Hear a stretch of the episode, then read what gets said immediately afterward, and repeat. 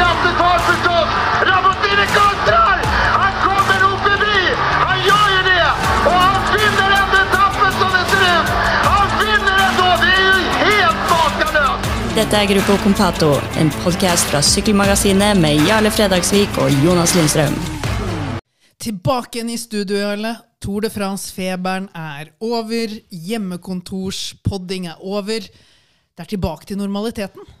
Øyafestivalen dundrer i bakgrunnen, det klines i de ganske kratt. Ja, Ja. Det var jo også et bilde å male opp for våre lyttere. Du, du tok ballen der veldig bra. Ja, altså Det har jo litt med å gjøre at hjemmekontorene er eh, over, og at folk kan gå ut og ha det gøy. Det er ikke verst i seg selv. Nei, det er bare synd at strømmen har blitt så sævla dyr. Er det det du sitter og bruker din eh, fritid på nå, og regner på neste strømregning? Og trafikkstøy i urban eh, sone. Har du offisielt blitt gammel og gretten? Ja, ja, ja. Er det lenge siden, eller er dette kommet nå? Eller er det liksom offisielt nå i sommer? Ti-tolv år, tenker jeg. Ti-tolv år siden. Ja. Ja. Det var litt før de fleste andre? Ok. Ja, men uh, du har perfeksjonert rollen, da. God trening. Altså, jeg synes Uansett hvor jeg går hen, så sitter jeg jo og sammen med andre folk og klager. Fordi det, alt er jo gærent. Melka blir dyr, og er, nå er det altfor varmt i dag. Det er 30 grader. Og strømmen er for dyr, og barnehagene koster for mye, og det er masse klaging. var alt bedre før? Jeg vet ikke. Du klagde like mye for ti år siden, si. Så det Jeg syns at alle klager. jeg. Tror ikke det bare er meg. alle klager. Ja. Ikke når du møter meg. Nei, nei, du, Jeg er positivitet. Ja, ja. ja, ja. Ja, ja, ja. Du klager jo litt når uh, bror din står der nesten i Tour de France Manager. Det er det eneste. Han slo meg. På siste etappen. Ja, ikke sant? Jeg gikk også på en smell på siste etappe. Jeg hadde, jeg hadde Stefan Bissegger inn til tempoen. Feila jo som vanlig. Så så, så var jeg langt nede, for broderen hadde ikke tatt inn han. Høyt oppe igjen etter at han plukka eh, hva var det, 40 poeng, eller 80 poeng var det, på den innlagte spurten på Champs-Élysées. Slo tilbake igjen, sendte meg forbi broderen. Ah, Men så, så røk jeg på at Mats Pedersen ikke var til stede. Altså, Jeg er jo en amatør, så jeg hadde jo brukt opp byttene for lengst. Ikke for lengst, men jeg hadde ikke noe å endre på laget mitt. Og jeg er jo fortsatt litt sur på Wout van Aert. Altså, Du kunne vinne en etappe til, og du sitter her med handshakes med gutta. Altså, fra, fra et betting-synspunkt også, dette er jo nesten ikke lov. Er det konspiratorisk? Ja, Det er du, du som fotballag, bare fordi du leder 10-0, så slipper du ikke inn to mål på overtid bare for å, fordi du ikke gidder å fullføre. nei. Be true to the game, pleier jeg å si. Oi, oi, det er det du pleier å si. Keeping it real. Oi, oi, oi. Altså, vi går fra gamle gretne Jarle til unge New York City-vibing Jarle på kort tid. Så lytterne våre har fått mer enn det de signerte opp for på denne episoden allerede. Og mer er det i vente, for du, Oh la la. Du har teaset litt grann på Twitter, Jarle, og det Altså, ditt gift-game er sånn terningkast fire. Okay. Og da, da er jeg litt ålreit, men, du hintet hintet vel mot men, en men, men, men, men, men, men, men, hva, hva med min humor? Uh, Det det, kom jo fram i uh, forrige uke at vi hadde gjort et stuntoppdrag for Stjørdalsblink. Altså, humoren, humoren din er terningkast to. Og Stjørdalsblink setter opp budsjettene på pølsepapir i pausen av fotballkampene. Ja. Og der skulle du inn og hjelpe, men her var det for mange skjeletter i skapene til at vi kunne lande denne Obos-liaklubben på godt vis. Og det siste jeg har hørt nå, er at det kan være at de ikke har råd til å fullføre sesongen. Kjempegod planlegging oppe i Midt-Norge. Du, du, drar, du drar meg inn i det ene konkursboet etter det andre, Arle. Det er eh, din spesialitet. Du har nese for det. Eh, men nå må vi bevege oss ut fra Stjørdalsblink, ut fra Tøyenparken, eh, inn i sykkelverden. For det er en storfisk vi har fått på kroken i dag. Og det er jo en som vi har jakta i mange måneder og uker. Veldig travel mann. Han. Ja, ekstremt. Det er eh, vanskelig å få tak i men vi har fått gjort. Og ikke bare fikk vi tak i Alexander Kristoff, men vi fikk tak i han dagen etter seieren i Circuit Franche Belge. Franco Belge, Mm -hmm. sånn. Eh, og timing, så timing kunne jo ikke vært stort bedre. Han hadde vel han har flydd av gårde til München, har han det? Og skal uh, forberede seg til EM, så vi fikk inn får tak i nå etter Franco Belge, før EM. Skal vi bare slå på tråden? Velkommen til Gruppo Compatto, Alexander. Takk for det. Og ikke minst gratulerer med det som under innspilling er gårsdagens store seier i Franco Belge. Eh, sitter med ganske god følelse igjen i dag, regner jeg med? Ja, det, det, er alltid deilig å vinne løp, så ja, og det er en stund siden jeg har vært på toppen i, i Belgia òg, så, så, det, det var, var, en digg følelse i går. og Det satt jo langt inne, det var tungt, men, eh, men eh, ja, det, desto deiligere å være på toppen da. Det er ikke verre enn at du skal ut på en langtur i dag? Nei, jeg var på planen. Det er seks timer uh, endurance ride, så det, så det er ikke noe drag. Men det er fortsatt seks timer, så det er jo med tanke på EM da, og, det som kommer senere i år. For det er neste store mål nå? Jeg tror EM ikke passer så bra, kanskje. Det er litt for lett, frykter jeg. Det blir jo kanskje mer spurtere som Jacobsen som uh, er favoritt. Men men det kommer jo Hamburg, jeg satt i Tyskland rundt og kommer et VM senere i år. Så, så, det er jo store løp som er, eh, som er viktige fremover. Så, så, det er jo litt med tanke på helheten i treningsopplegget innover mot slutten av sesongen her. Ja, for det er ikke noe slik at med Tour de France så er sesongen eh, over for deg. Det virker jo som at du heller har kommet ut av det rittet med, med kjempebein. Og det ser jo, altså, selv om det ser ut som at du lider ganske voldsomt på sykkelen under disse endagsrittene, så ser det ut som at du koser deg også. Du er jo kjører offensivt og på en litt annen måte enn vi har sett deg på en god stund.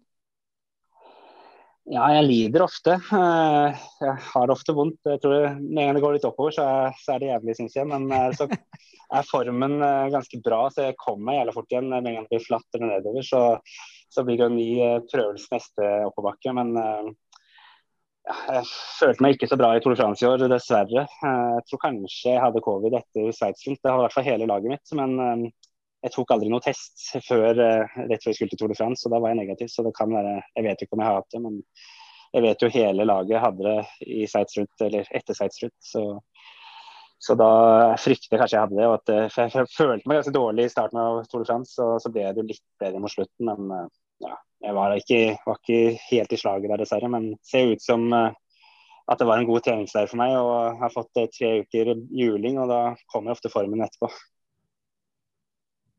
Jeg husker jo et av eh, disse sitatene fra UAE-perioden.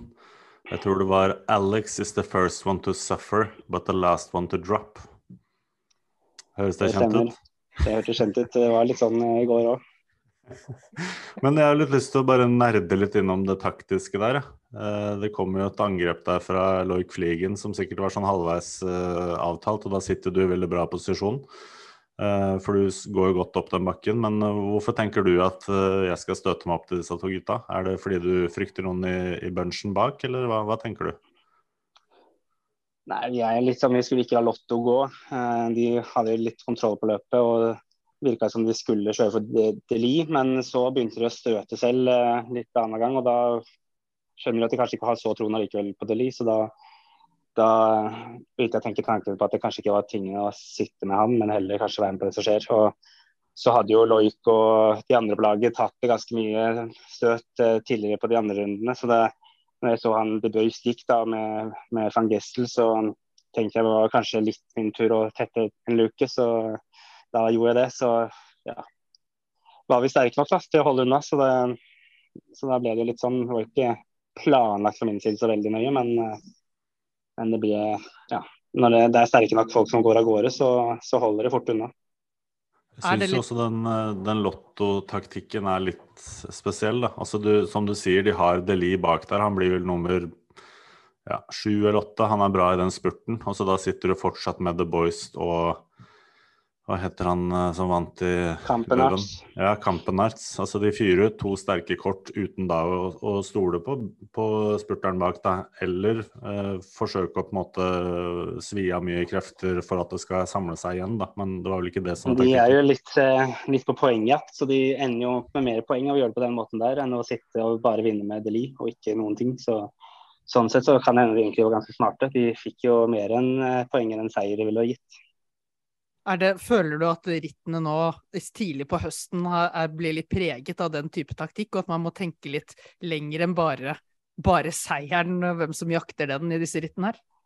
Ja, jeg i hvert fall det er litt i tankene om hvem som trenger poeng. og det var liksom eh, Før løpet måtte vi se litt på Lotto og Israel, da, som eh, starta i går. Eh, at de var litt i poengnød av de lagene som var der. Så, så at vi hadde et ekstra øye til de, for de kom sikkert til å ikke gi fra seg et godt resultat. på en måte.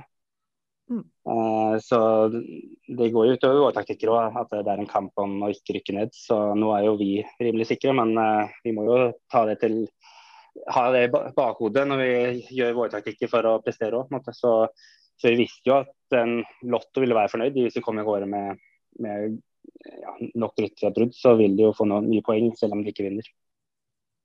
Hvordan eh, påvirker altså din egen taktikk? Nå har vi sett deg offensiv i Skelderprice, vi så deg offensiv i Frank Belch. Du har vært inne på det her også med tanke på EM, at eh, det er kanskje for flatt for at det passer deg perfekt. Eh, er det noe sånn nå at eh, det virker som at du stoler litt mindre på egen spurt enn du har gjort tidligere år? Er det noe som på en måte er med å bidra til å åpne muligheten for å være litt mer offensiv mentalt? At på en måte uh, slipper deg litt mer fri også, uh, for grunn av at det er mange som sitter med en spurt som kan matche deg? Ja, jeg vet jo jeg er ikke raskest i feltet, så sånn som f.eks. i, i EM så gjør jeg ikke regning på å ta en ny seier der, men det er jo litt løpet, løpet åssen det er òg. I går er det litt sånn klassikerpreg, og da, da er jo en samla spurt mindre sannsynlig, så jeg ser jo litt hva sannsynligheten er òg. I første runde i går så tenkte jeg jeg skulle vente på en spurt, men så kjente jeg etter hvert at dette var tyngre enn jeg trodde. Eh, eller hva det føltes første runde, på en måte. Så da forandra jeg litt uh, synspunkt underveis. Og, uh, du ønsker jo best mulig resultat, så, så, da hadde jeg heller trodd at det ble samla, så hadde jeg nok ikke gått til brudd. Men uh, nå jeg, tenkte jeg at det var nesten 60-40% sjanse for det ikke ble samla, så da var det større sjanse for å gå av gårde. Hvis du tenker litt, altså, hvis vi går spoler tiden litt tilbake, da, Alex, så var det jo mot slutten av fjorårssesongen så begynte å komme uttalelser fra deg om at Eh, med tanke på framtiden, at man måtte se an litt hvilket nivå du kom tilbake på. At eh, det å sykle rundt uten å prestere var ikke noe du var sånn superinteressert å gjøre i haugvis av år. Og så sitter vi her i dag, og så vet du har signert på en ny treårskontrakt med UnoX. Du har eh, fått noen flotte seire i år. Gjort det på ganske spektakulær måte, de seierne du har tatt. hvor mye har forandret seg på det drøye halvåret fra slutten av forrige sesong til der vi sitter i dag? Jo, jeg føler meg bedre nå som rytter enn jeg gjorde for et halvt år siden. Eh, egentlig er jo ikke verdier et sånn veldig stor forskjell, men jeg føler utstyret for min del er bedre nå enn jeg hadde i fjor. Eh, eh så det er jo små detaljer. Eh, det er både drakt og sykkel og alt. sånt. så så da har jeg følt meg bedre på sykkel nå, og da har det gitt resultater. Så ja. Eh, jeg ser jo wattverdier og sånn er jo strengt tatt mer eller mindre det samme, så jeg har ikke blitt noe bedre fysisk. Men eh, ja, kan, når du føler deg bedre og gjør det kanskje et bedre valg òg, så litt mindre høye skuldre, og da går det ofte litt bedre også.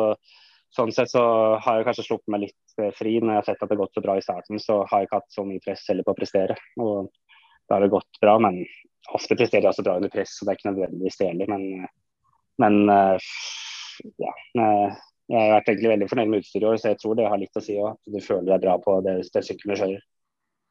Hvor stor er liksom forskjellen på Du snakka om press nå, også utstyr. Hvor, hvor, stor er forskjellen på liksom stemninga og trivselen da, for deg sånn det var på slutten i UAE-laget og kontra sånn det er nå? Jeg trivdes egentlig fint på UAE-laget, men jeg eh, har jo fått en litt viktigere rolle her, eh. Eh, så sånn sett så er jo litt mer en rolle jeg er vant til fra tidligere, på en måte. Så, men det var jo også litt deilig ikke ha så mye resultatpress, for det var jo så mange andre gode i UAE, på en måte. Men du har jo det uansett resultatpress mot deg selv, så det er det som er det største presset. Men hvorfor i alle dager bytter du når det har gått så bra som det har gjort nå? Ett år bare i dette her som har fungert såpass bra som det har gjort? Nei, det frista litt å, å kjøre på norsk lag, det skal jeg ikke legge skjul på det. Syns UNX virker veldig spennende. Masse unge ryttere fra Norge, så også, også, Danmark så klart. Men uh, ja, jeg skal, skulle jeg kunne gjøre en forskjell for norsk sykkelsport og sånn sett, og et norsk lag, så var det nå. For jeg tror skulle jeg gått to til år her internasjonalt, så vet jeg ikke hvor mye forskjell jeg kunne gjort om to år igjen. Måte. Da begynner jeg å bli gammel. Så, så jeg tenker egentlig for, for, min del så var det spennende.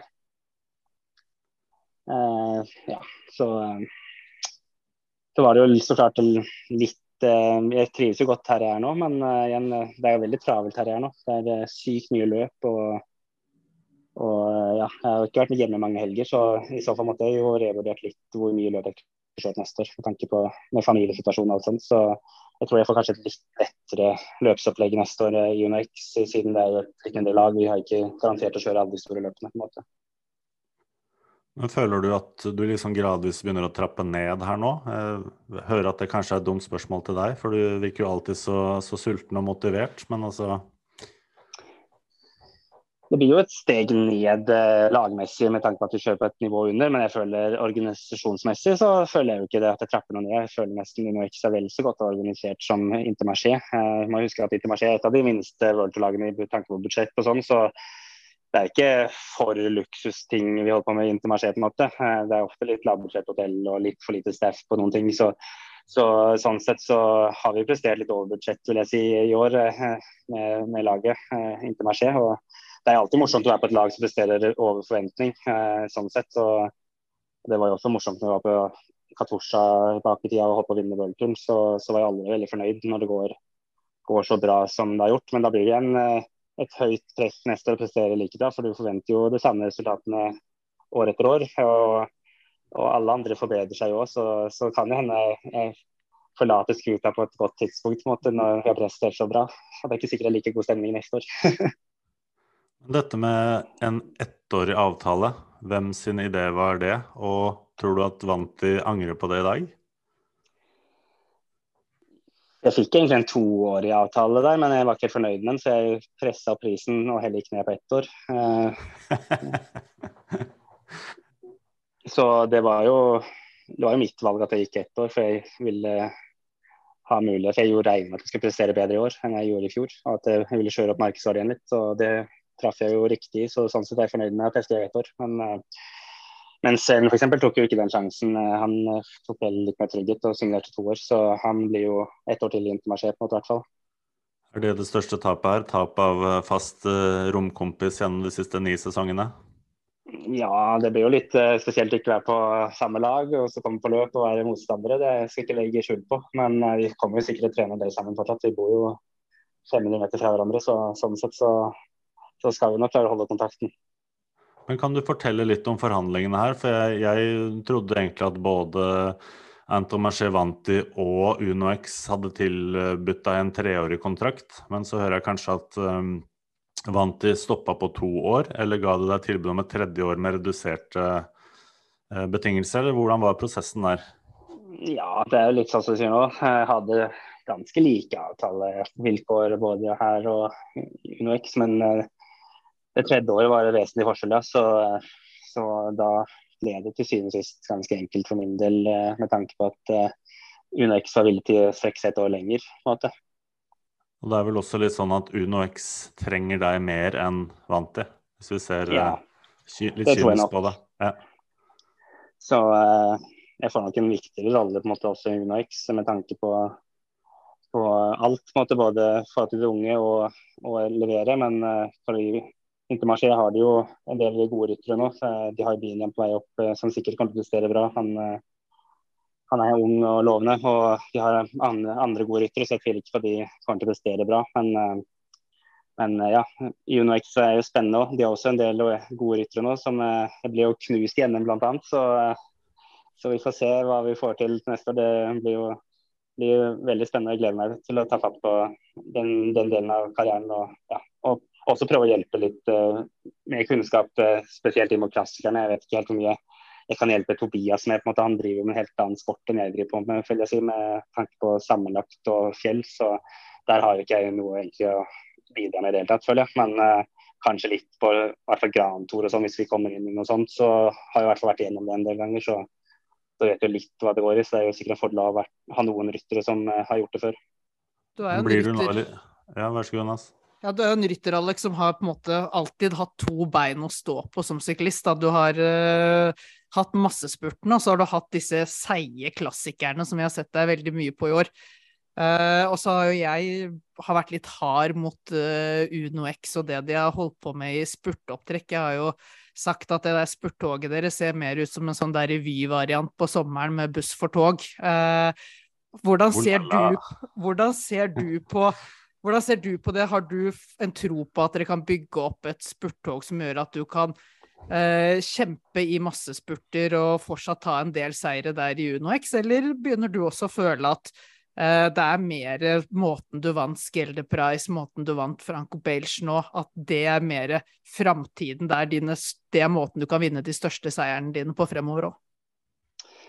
Jeg tror mine største seire har vel kommet på den litt mer den måten i klassikerne eller litt seigere løp. Eh, det er jo ofte de største løpene er litt mer seigere òg, så, så, det sier seg jo på en måte selv eh, eh, i den forstand.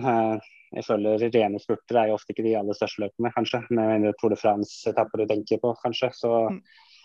så eh, vet jeg ikke helt om vi kommer til å ha bra nok lag hvis vi eventuelt skulle komme til Tour de France til å kjempe mot de beste spurttogene der. Det, det må vi jo bare stikke fingeren i jorda og si at eh, vi klarer nok ikke å matche verdens beste spurtopptrekk. Men i mindre løp så tror jeg vi kan, eh, kan kunne hevde oss. Eh, ja, også i Belgia i mindre spurtløp, f.eks. Nokre eller ja, andre løp som, som sånne vanligvis blir litt spurty, så, så, tror jeg vi kan ha et lag som kan matche de andre world som ikke stiller toppa lag. på en måte. Og det må vi prøve å få til. Så vi har jo unge spurtere som, eh, som må bli vant til eh, å kunne spurte og vite hvordan spurtopptrekk fungerer. Så vi, vi, må jo terpe litt på det på treningsleir før og, og, i starten av sesongen prøve å holde oss samla og få til og prøve å ta kommandoen innenfor de siste kilometerne. på en måte. Jeg må jo si, jeg er jo faktisk litt overraska over valget ditt, Alex. Eh, vi snakka sammen litt tidligere i juni, da det på en måte var et tilbud på bordet. og Da nevnte du bl.a. utstyr. Du var fornøyd med det du hadde. Du var usikker på om du var klar for å skifte ut utstyrsparken enda en gang. Og så er det selvfølgelig det sportslige aspektet. Eh, altså Hvis du har lyst til å vinne Paris-Roubais, jeg mener fortsatt den sjansen er bedre i Vanti-systemet. Der har du også World Tour-status, du har Tour de France-garanti, og du hadde et eh, opptrekk som var bygd opp rundt deg. Og nå vet vi kanskje at Pascalon er på vei videre, så vidt jeg har skjønt.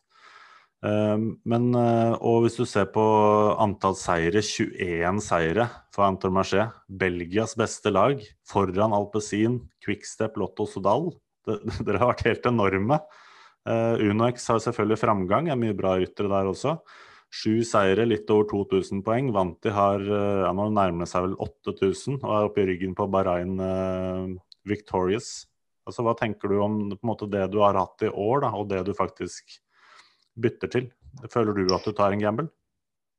Det er alltid en gamble å bytte, det er jeg ikke tvil om. Uh, men uh, ja, det er litt som jeg sier, vi har jo hatt et ganske ekstremt løpsopplegg i år. Jeg føler jo litt det blir litt uh, Ikke rævkjørt, men uh, hvis du ser på hvor mange, mange løpsdager folk har, så er det jo en del Intermarché på toppen der. hvert fall. Kanskje ikke helt på toppen. Han Daniesa har kjørt to Grand Tours, men uh, jeg tror Petit og jeg er to og tre, sånn, men én Grand Tour. Så, så det, blir, det, blir, veldig mye løp. Og det, jeg har en familie på ja, Jeg har jo fem stykker, fire unger og en kone som sitter hver helg hjemme. Så sånn sett så har jeg det litt i tanken nå. at at jeg får litt lettere løpsopplegg eh, i UNOX som jeg har hatt i år. Eh, eh, det ser jeg også litt frem til. på en måte.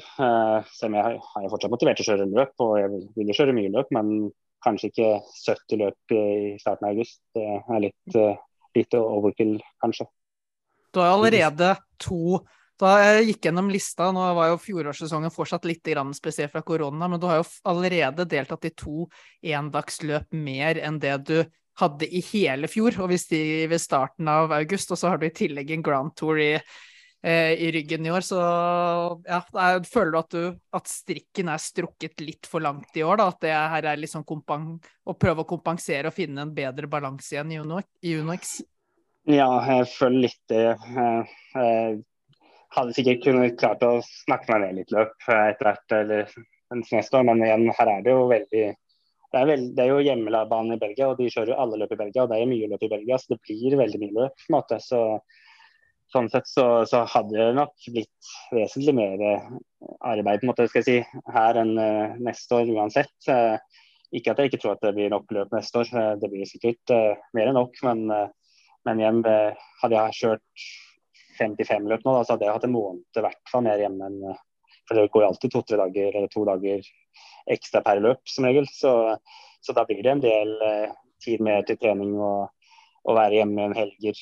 Problemet Jeg kommer ofte hjem, men det er jo, det er jo ofte ukedager. Da. Det er ikke ukedagene som gjort når ungene er på skolen og sånn. Det er jo helger man savner litt, kanskje.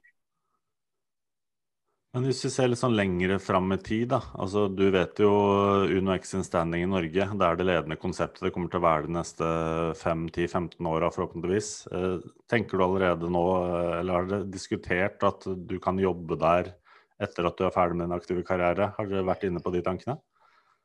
Nei, jeg har ikke vært eh, inne på det. Nå har jeg signert journalister foreløpig, så, så, det er det jeg skal være de neste tre årene. Så ser jeg ikke helt for meg å bli noen sportssektor heller, eh, eller noe sånt. Så, så, jeg vet ikke helt hva jeg skal gjøre ennå. Det har jeg ikke helt uh, ja, tenkt på så mye hva jeg skal gjøre etter syk aktiv sykkelkarrieren. Så, um, men det er i hvert fall ikke noe som er like mye reising. Det tror jeg ikke, i hvert fall ikke de første årene. Så. det er vel sikkert noen som har tenkt at eh, en dag så skal du hjem og sykle for Coop. Eh, nå har vi kommet litt dårlige nyheter fra, fra Coop-leiren. Hva, hva, tenker du om utviklinga der? Og er det greit at det på en måte står ett prosjekt igjen og ruver når det er såpass gjennomført og digert som det er, eller skulle du ønske at det også var litt mer trøkk fra, fra andre miljøer hvis nå Coop skulle gå under, da? Det er jo trist at eh, ja, vi har jo kjørt på veldig mye de siste årene i Coop-systemet allerede. Og det ble jo ja, slått sammen med damelaget, og da tok de også ble, ble, ikke budsjettet større, så da ble det jo enda litt mindre for herrelaget når det ble slått sammen. Uh, så det har vært ganske skralt uh, med, med, penger og litt sånn si, litt eh, minimum opplegg enn fått til tidligere, kanskje.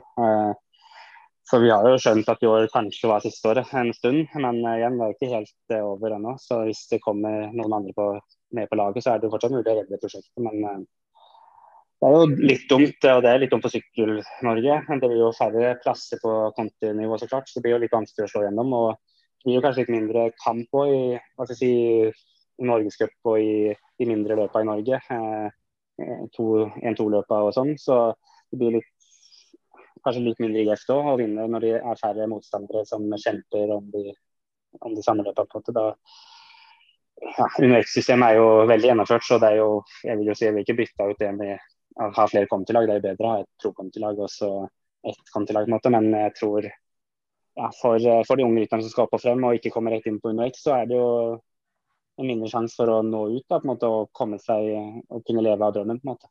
Og Det er jo det er dumt for norsk, norsk sykkelsport, det er det ikke tvil om. Det er vel litt det jeg frykter. Vi har uh, allerede mista en del talenter på veien her. Da tenker jeg litt på Sondre Holst Enge f.eks. Jeg føler at det potensialet ble ikke helt Eh, det ble ikke helt spilt ut sånn som det kunne. Litt samme kanskje med Kristoffer Skjerping eller med Daniel Hoelgaard. Eh, og nå er det liksom de som ikke får plass i Uno X-systemet, hva skal de gjøre nå?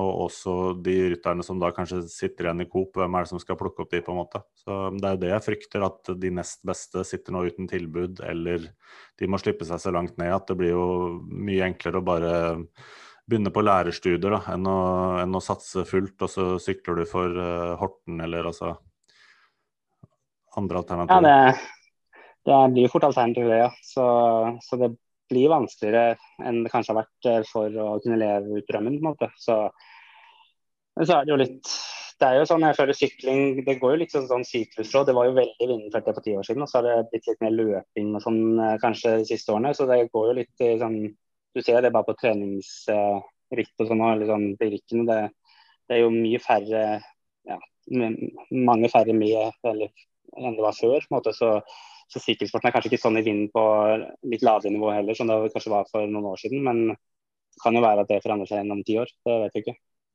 Tror du, at du, tror du at du kan være med i Uno X og prøve å bygge en ny bølge eh, videre der? Tror du det er på en måte veien også å få promotert norsk sykkelsport og bygge en større bredde igjen. For det, alltid, det går alltid litt sånn i bølgedaler hvor sånn som Hushovd som trakk det opp, og så kom du og Edvald og ga en bølge nummer to, og nå trenger man kanskje bølge nummer tre, da.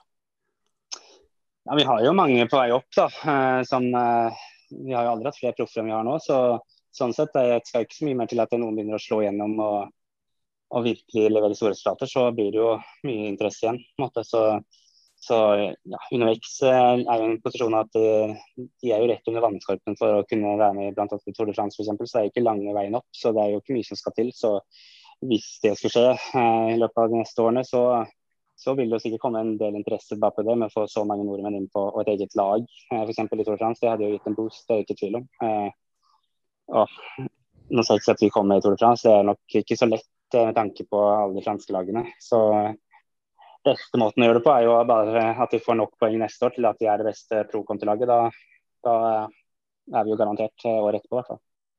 Ellers så hadde det jo passet sånn eh, rimelig greit å plukke med en ny VM-tittel til Norge. Nå skal vi jo tilbake igjen til Australia, der eh, vi tok, har tatt vår eneste gullmedalje på herresiden med Thor Hushovd. Eh, sitter du og drømmer litt om at du kan bringe den der regnbuetrøya tilbake igjen til Norge til neste år? og i UnoX-systemet?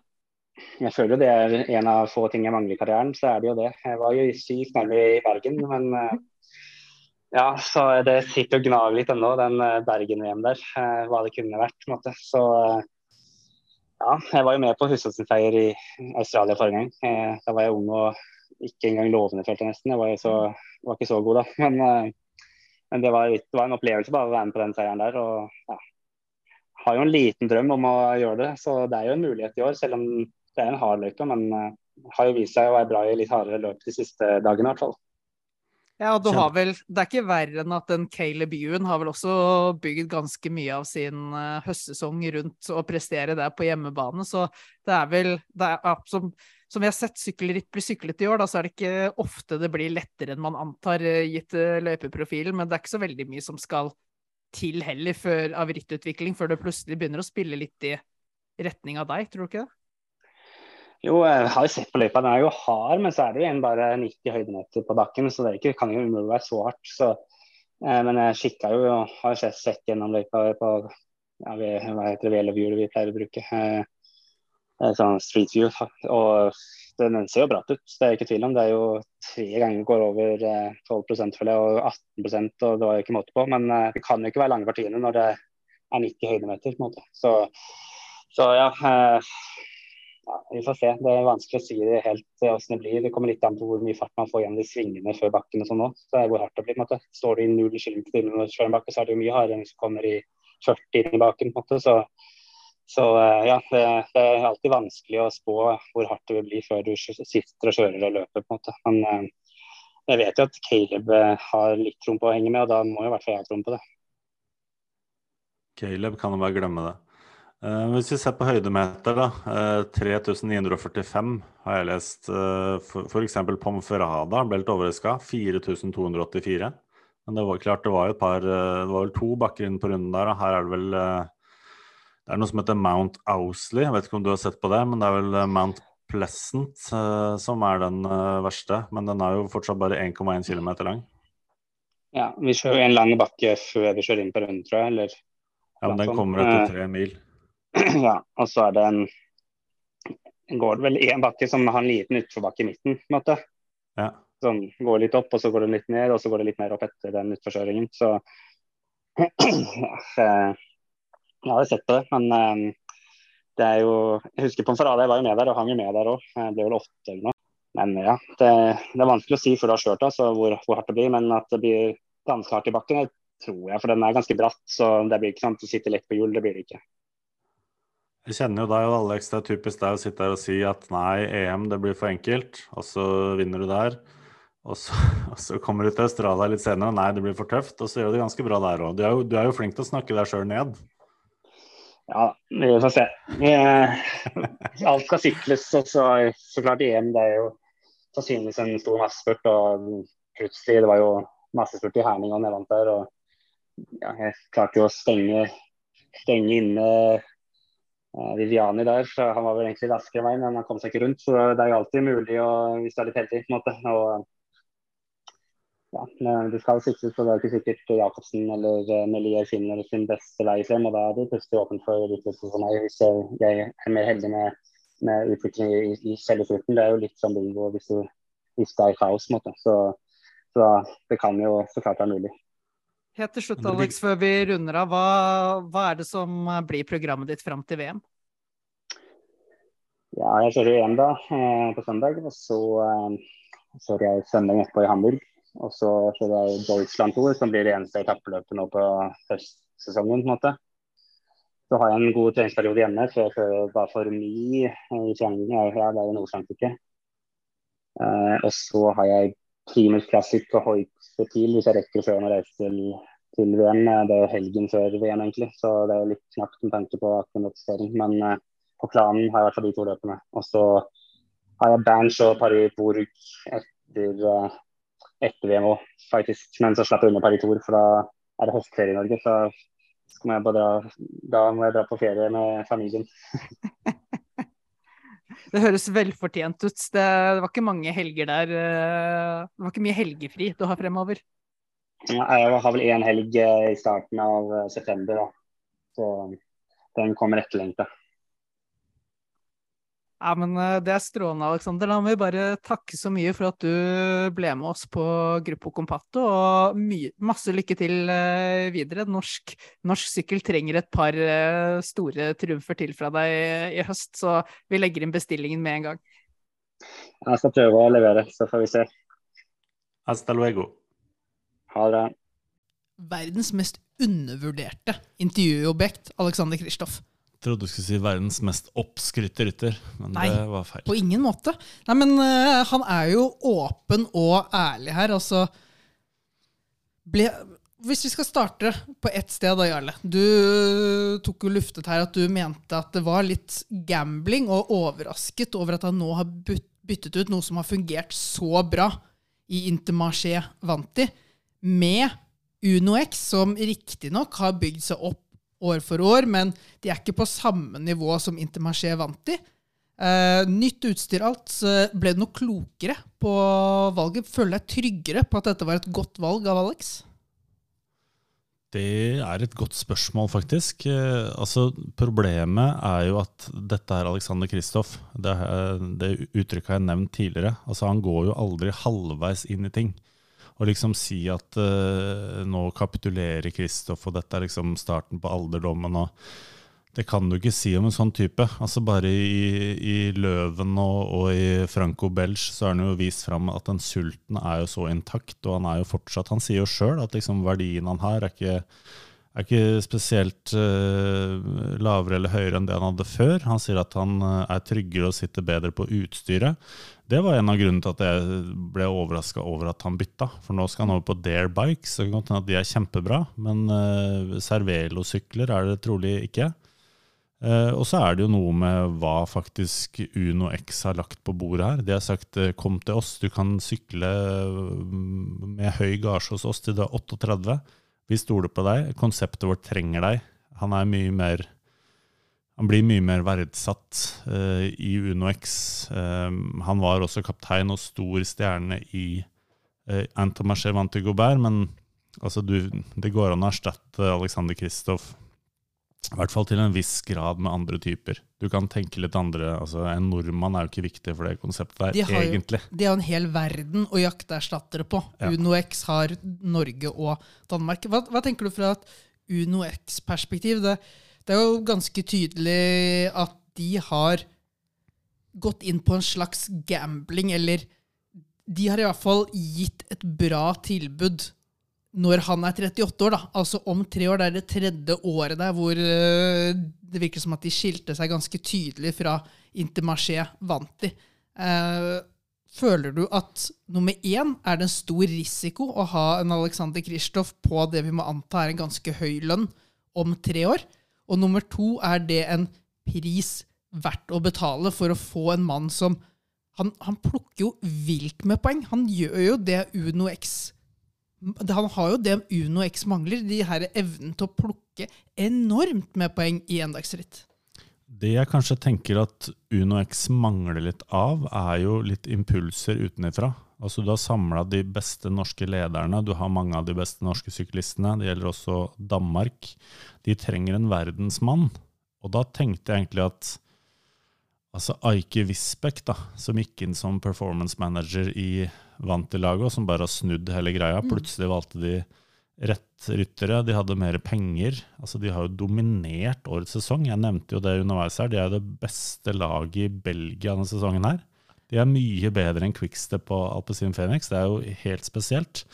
Men så kan de ha fått den mannen i Alex, da. Altså Han har jo enormt med erfaring, know-how. Han pisker lagkameratene ut på trening, han trener lengst, han trener mest. Han kan inspirere de unge rytterne. Altså Det er en no-brainer for UnoX å signere en sånn mann. Og så koster det selvfølgelig, men det kan være en portåpner til Tour de France, det kan være en portåpner til andre ritt. Det er uh, flott for uh, merkevaren å si at hei, vi har Alexander Kristoff. Altså om du henvender deg innad i Norge eller ut mot den store verden, eller hva du skal gjøre for noe. Så for Uno X, uh, det, jeg mener det er liten risiko. Altså, jeg ser ikke for meg at han jeg tror ikke han begynner å dabbe allerede neste år. Altså, han har jo reist av denne sesongen her, og vi, ja, nå er han topp 11 på World Tour-rankingen. Altså den individuelle. Det er enormt. Ja, altså Vi snakka om det eh, når vi begynte å planlegge denne episoden, her, at vi må liksom ta med litt om hva han har gjort i år. Og så plutselig dagen i forveien så klasker han nok en seier. altså... Og så kan vi også si at uh, Anton Marché har 21 seire i år, det er fett, det. Kristoff hadde 20 alene i 2015, så uh, hans stjerne har også vært høyere, men altså, det skulle da bare mangle. Ja, og, og det, det jeg sitter og tenker her, er nummer én, altså, det er et press på Uno. Altså, de fikk jo virkelig et press på utstyret nå. Det, det blir jo en sånn virkelig test for de neste år. Og så det andre jeg tenker, da, og det, det er en sånn her viktig punkt oppi det hele også, for nå, nå har man fått Uno X inn i klassikerne, og man begynner å snakke om Grand Tours. Men vi skal ikke glemme at Uno X gjorde ingen stor figur i Flandern rundt og Paris-Robé. Det er ikke sånn at bare fordi de har tatt steget opp dit ett år, så er det automatikk i at de får lov til å være med der. Altså, De må fortsatt vise seg fram. Og det ha, så det å få inn en Alexander Kristoff er jo Da bør du jo nærmest få stempelet på Flandern spesielt, da, hvor han har eh, vunnet tidligere. Så jeg tenker jo at en ting er liksom at man skal jakte det neste steget hele tiden, nå, men Alexander Kristoff er jo også en av de som er med og sikrer at de får oppleve det de har opplevd i år, også neste år. Det er viktig å ikke bare ta det for gitt, det man har fått til, men at man øh, fortsetter å bygge videre. og Sånn sett så har du nå gått inn og fått styrket dette klassikerlaget sitt, og kan gå tilbake til eh, arrangørene av er det Flanders Classic de heter, som eh, eier ikke bare Flandern rundt, men mange av disse semiklassikerne også, og si at Se, vi viste oss frem i mange av semiklassikerne, har gjort det bra i to år. Vi var ikke helt på topp i Robé og Flandern rundt. Vi fikk en liten en i fleisen der, eh, som man må forvente. Vi tok eh, konsekvensen av det, bygget opp. Her har vi Alexander Kristoff. Nå kan dere forvente enda mer av oss neste år. Jeg tenker jo i den grad noen har gambla, så er det jo egentlig nettopp der. Eh, Paris Robé i år. Seks ryttere fra Avanti blant topp 23, topp 24. Det var ikke den, ble ikke den store dagen for Alex. Eh, De tok vel en tredjeplass, og de hadde Adrien Petit foran her på sånn femte-sjetteplass. Takk van der Horn satt der, Pascal Lond satt der, Alex satt der. Altså de, På en måte så var de quickstep, da, uten at de klarte å kapitalisere eh, ut av det. og der, Det vinker jo han farvel til, og da kan du spørre vinker han også farvel til eh, podiet i Flandern rundt og Paris-Roubais? fordi det vi så i år, er jo at eh, best case så sitter du der med Rasmus Tiller, men så veldig mye andre folk har du ikke rundt deg. Og så kan du snu på det. Du kan si at uh, det er fem andre der som ofrer seg helt for Alex. Det vet vi ikke. Tiller er også veldig sterk, så vi vet ikke helt hvordan det kommer til å se ut. Tiller Skårseth, som var bra i år. Ja, Skårseth har hatt en kjempesesong. Uh, og så syns jeg du har et godt poeng. Du er alltid inne og plukker litt på det opptrekket der, og det er også en ting som man har eh, sagt litt farvel til, for han vil jo ikke da ha Altså, Nei, men er, det ikke også der han kommer inn og på en måte setter en ny, ny standard. For uh, jeg har jo Jeg brukte jo hele første episoden her på denne podkasten når vi snakket om UnoX, så satte jeg litt trøkk på dette med spurtopptrekk. Og vi har jo ikke sett noe verdens ting til det eh, i år. Og det har vel ikke vist seg Det har ikke dukket opp sånn ekstrem velvilje til å satse på det eh, internt i laget heller. Men det er klart, de har hatt en Doffen som har vært helt borte. Niklas Larsen som er slitt voldsomt etter hjernerystelse på Stammark rundt i fjor. Så de har jo ikke hatt den spurteren som har levert godt nok til å krevd noe heller. Og da er det på en måte lettere å ikke legge fokus på det. Nå kommer Alexander Kristoff, og det som er greia nå da for UnoX de er, X er jo norsk sykkelsport, og de er ekstremt stolte av å være norsk sykkelsport. Men nå tar de også den største diamanten vi har, og mislykkes de med han, så ødelegger du ikke bare for sitt eget lag, sitt eget investering, de ødelegger for norsk sykkelsport òg. Altså, hvor viktig er det ikke for interessen at Alexander Kristoff vinner disse sykkelrittene? Kommer ut i de store massemediene, får plass, dekker, skaper interesse. Altså, et ritt som Franco Belge for en nordmann, det er to, to vidt forskjellige interesser om uh, Alexander Kristoff er med og kjemper om seieren hele veien inn, eller om ingen nordmann, nordmenn er der. Så det, de har satt press på seg selv, også UnoX, om å, på å ivareta en diamant. Jeg tenker også hvordan vil andre norske, eller hvordan reagerer andre norske og danske ryttere på at de faktisk har henta Kristoff? Mm. Du har drømmer, selvfølgelig. Du vil ha tilbake Foss, du vil ha tilbake Leknessund, du vil ha tilbake Jursby Widerberg. Men så tenker jeg også hvis vi skulle vært sånn uh, Altså, vi, vi spiller uh, Pro Cycling Manager, da. Uh, bare du kan hente, du har bunnløst med penger, du kan hente hvem du vil. Ja. Altså du tenker jo at liksom, Drømmen hadde vært du signerer Alex, du henter Mørke som opptrekkeren hans, og Amund Grønn Alliansen skal være altså, vi, vi, er jo ikke der, og du kan ikke få alt. Nei. Men uansett så det veier tungt da, at du faktisk har økonomiske muskler, for det er det første, til å signere Kristoff som altså Det jeg hører, de, det kan være så mye som én million euro i årslønn. I hvert fall oppi der. Det er en solid uh, pensjonistordning han har skrevet under på. Så ja, det, er, men, det, er, det, er, tungvektere som gjør sånne ting. Unex viser at uh, vi er her, og vi skal være her in the long run. Og Alex følte seg ønska, og nå plutselig så var timingen der for hans del. Uh, Igjen litt overraskende for meg, men sabla morsomt òg, da. Jeg tror også at uh, personligheten hans spiller en stor rolle inn her. For det, kommer en fyr som er, er en stjerne, men samtidig ikke oppfører seg som en stjerne. Uh, altså Han setter krav, men dette er en fyr som først og fremst leder gjennom eksempel. Altså lead by example. Han går foran, han gjør jobben. Han er ikke den typen som snakker seg selv opp eller snakker om masse hva han har fått til, eh, eller hva han skal få til. Han går ut og gjør jobben og viser hva som kreves. Så det er vel det de sitter og håper også, at det kommer inn en fyr som legger lista. For det er klart, du har Kurt Asle Arvesen, du har Stig Kristiansen. De vet jo hva som kreves. Og, men én ting er å liksom sitte bak i bilen og si det, og du kan ha autoritet og alt dette her, men å få en i flokken, liksom, som gjør det, som er der på treningcamp, legger ned arbeidsinnsatsen, som har treningsfilene alle andre lag kan se på, det er en helt annen måte å vise og lede vei på, da. Og tenker jeg da, nå sa jeg ikke han mye om det, men altså, det kan også være en sånn framtidsretta greie. Altså UnoX kommer til å være her i mange år. De vil ha behov for Kristoffs kompetanse også etter at han uh, er ferdig med å sykle. Kanskje ser de at han skal inn i en eller annen rolle på litt lengre sikt, og hvorfor ikke? Altså Det spørs jo på hans interesser og hva han har lyst til å bruke resten av livet sitt til. Men uh, det er jo så interessant, uh, siden han er så ærlig og åpen, da, sier at uh, i år så har det vært veldig mye reising, veldig mye mm. konkurranser. Han har fire unger hjemme. Vi har prøvd å få tak i han for å spille en podkast. Jeg har forståelse for at det er veldig hektisk både når han er på reise og når han er hjemme. Altså, yes. Han burde også blitt sliten av det. Han har pint og kjørt kroppen sin i så mange år, og nå skal han gjøre det i tre år til. Og så skal han endelig få slippe. Det er en sånn tungvektmester som uh, bare går opp og forsvarer beltene sine gang på gang på gang. og tar, tar jo imot en sånn som aldri vinner på knockout, men som eh, kniper seieren i tiende runde fordi han står eh, løpet bedre enn motstanderen.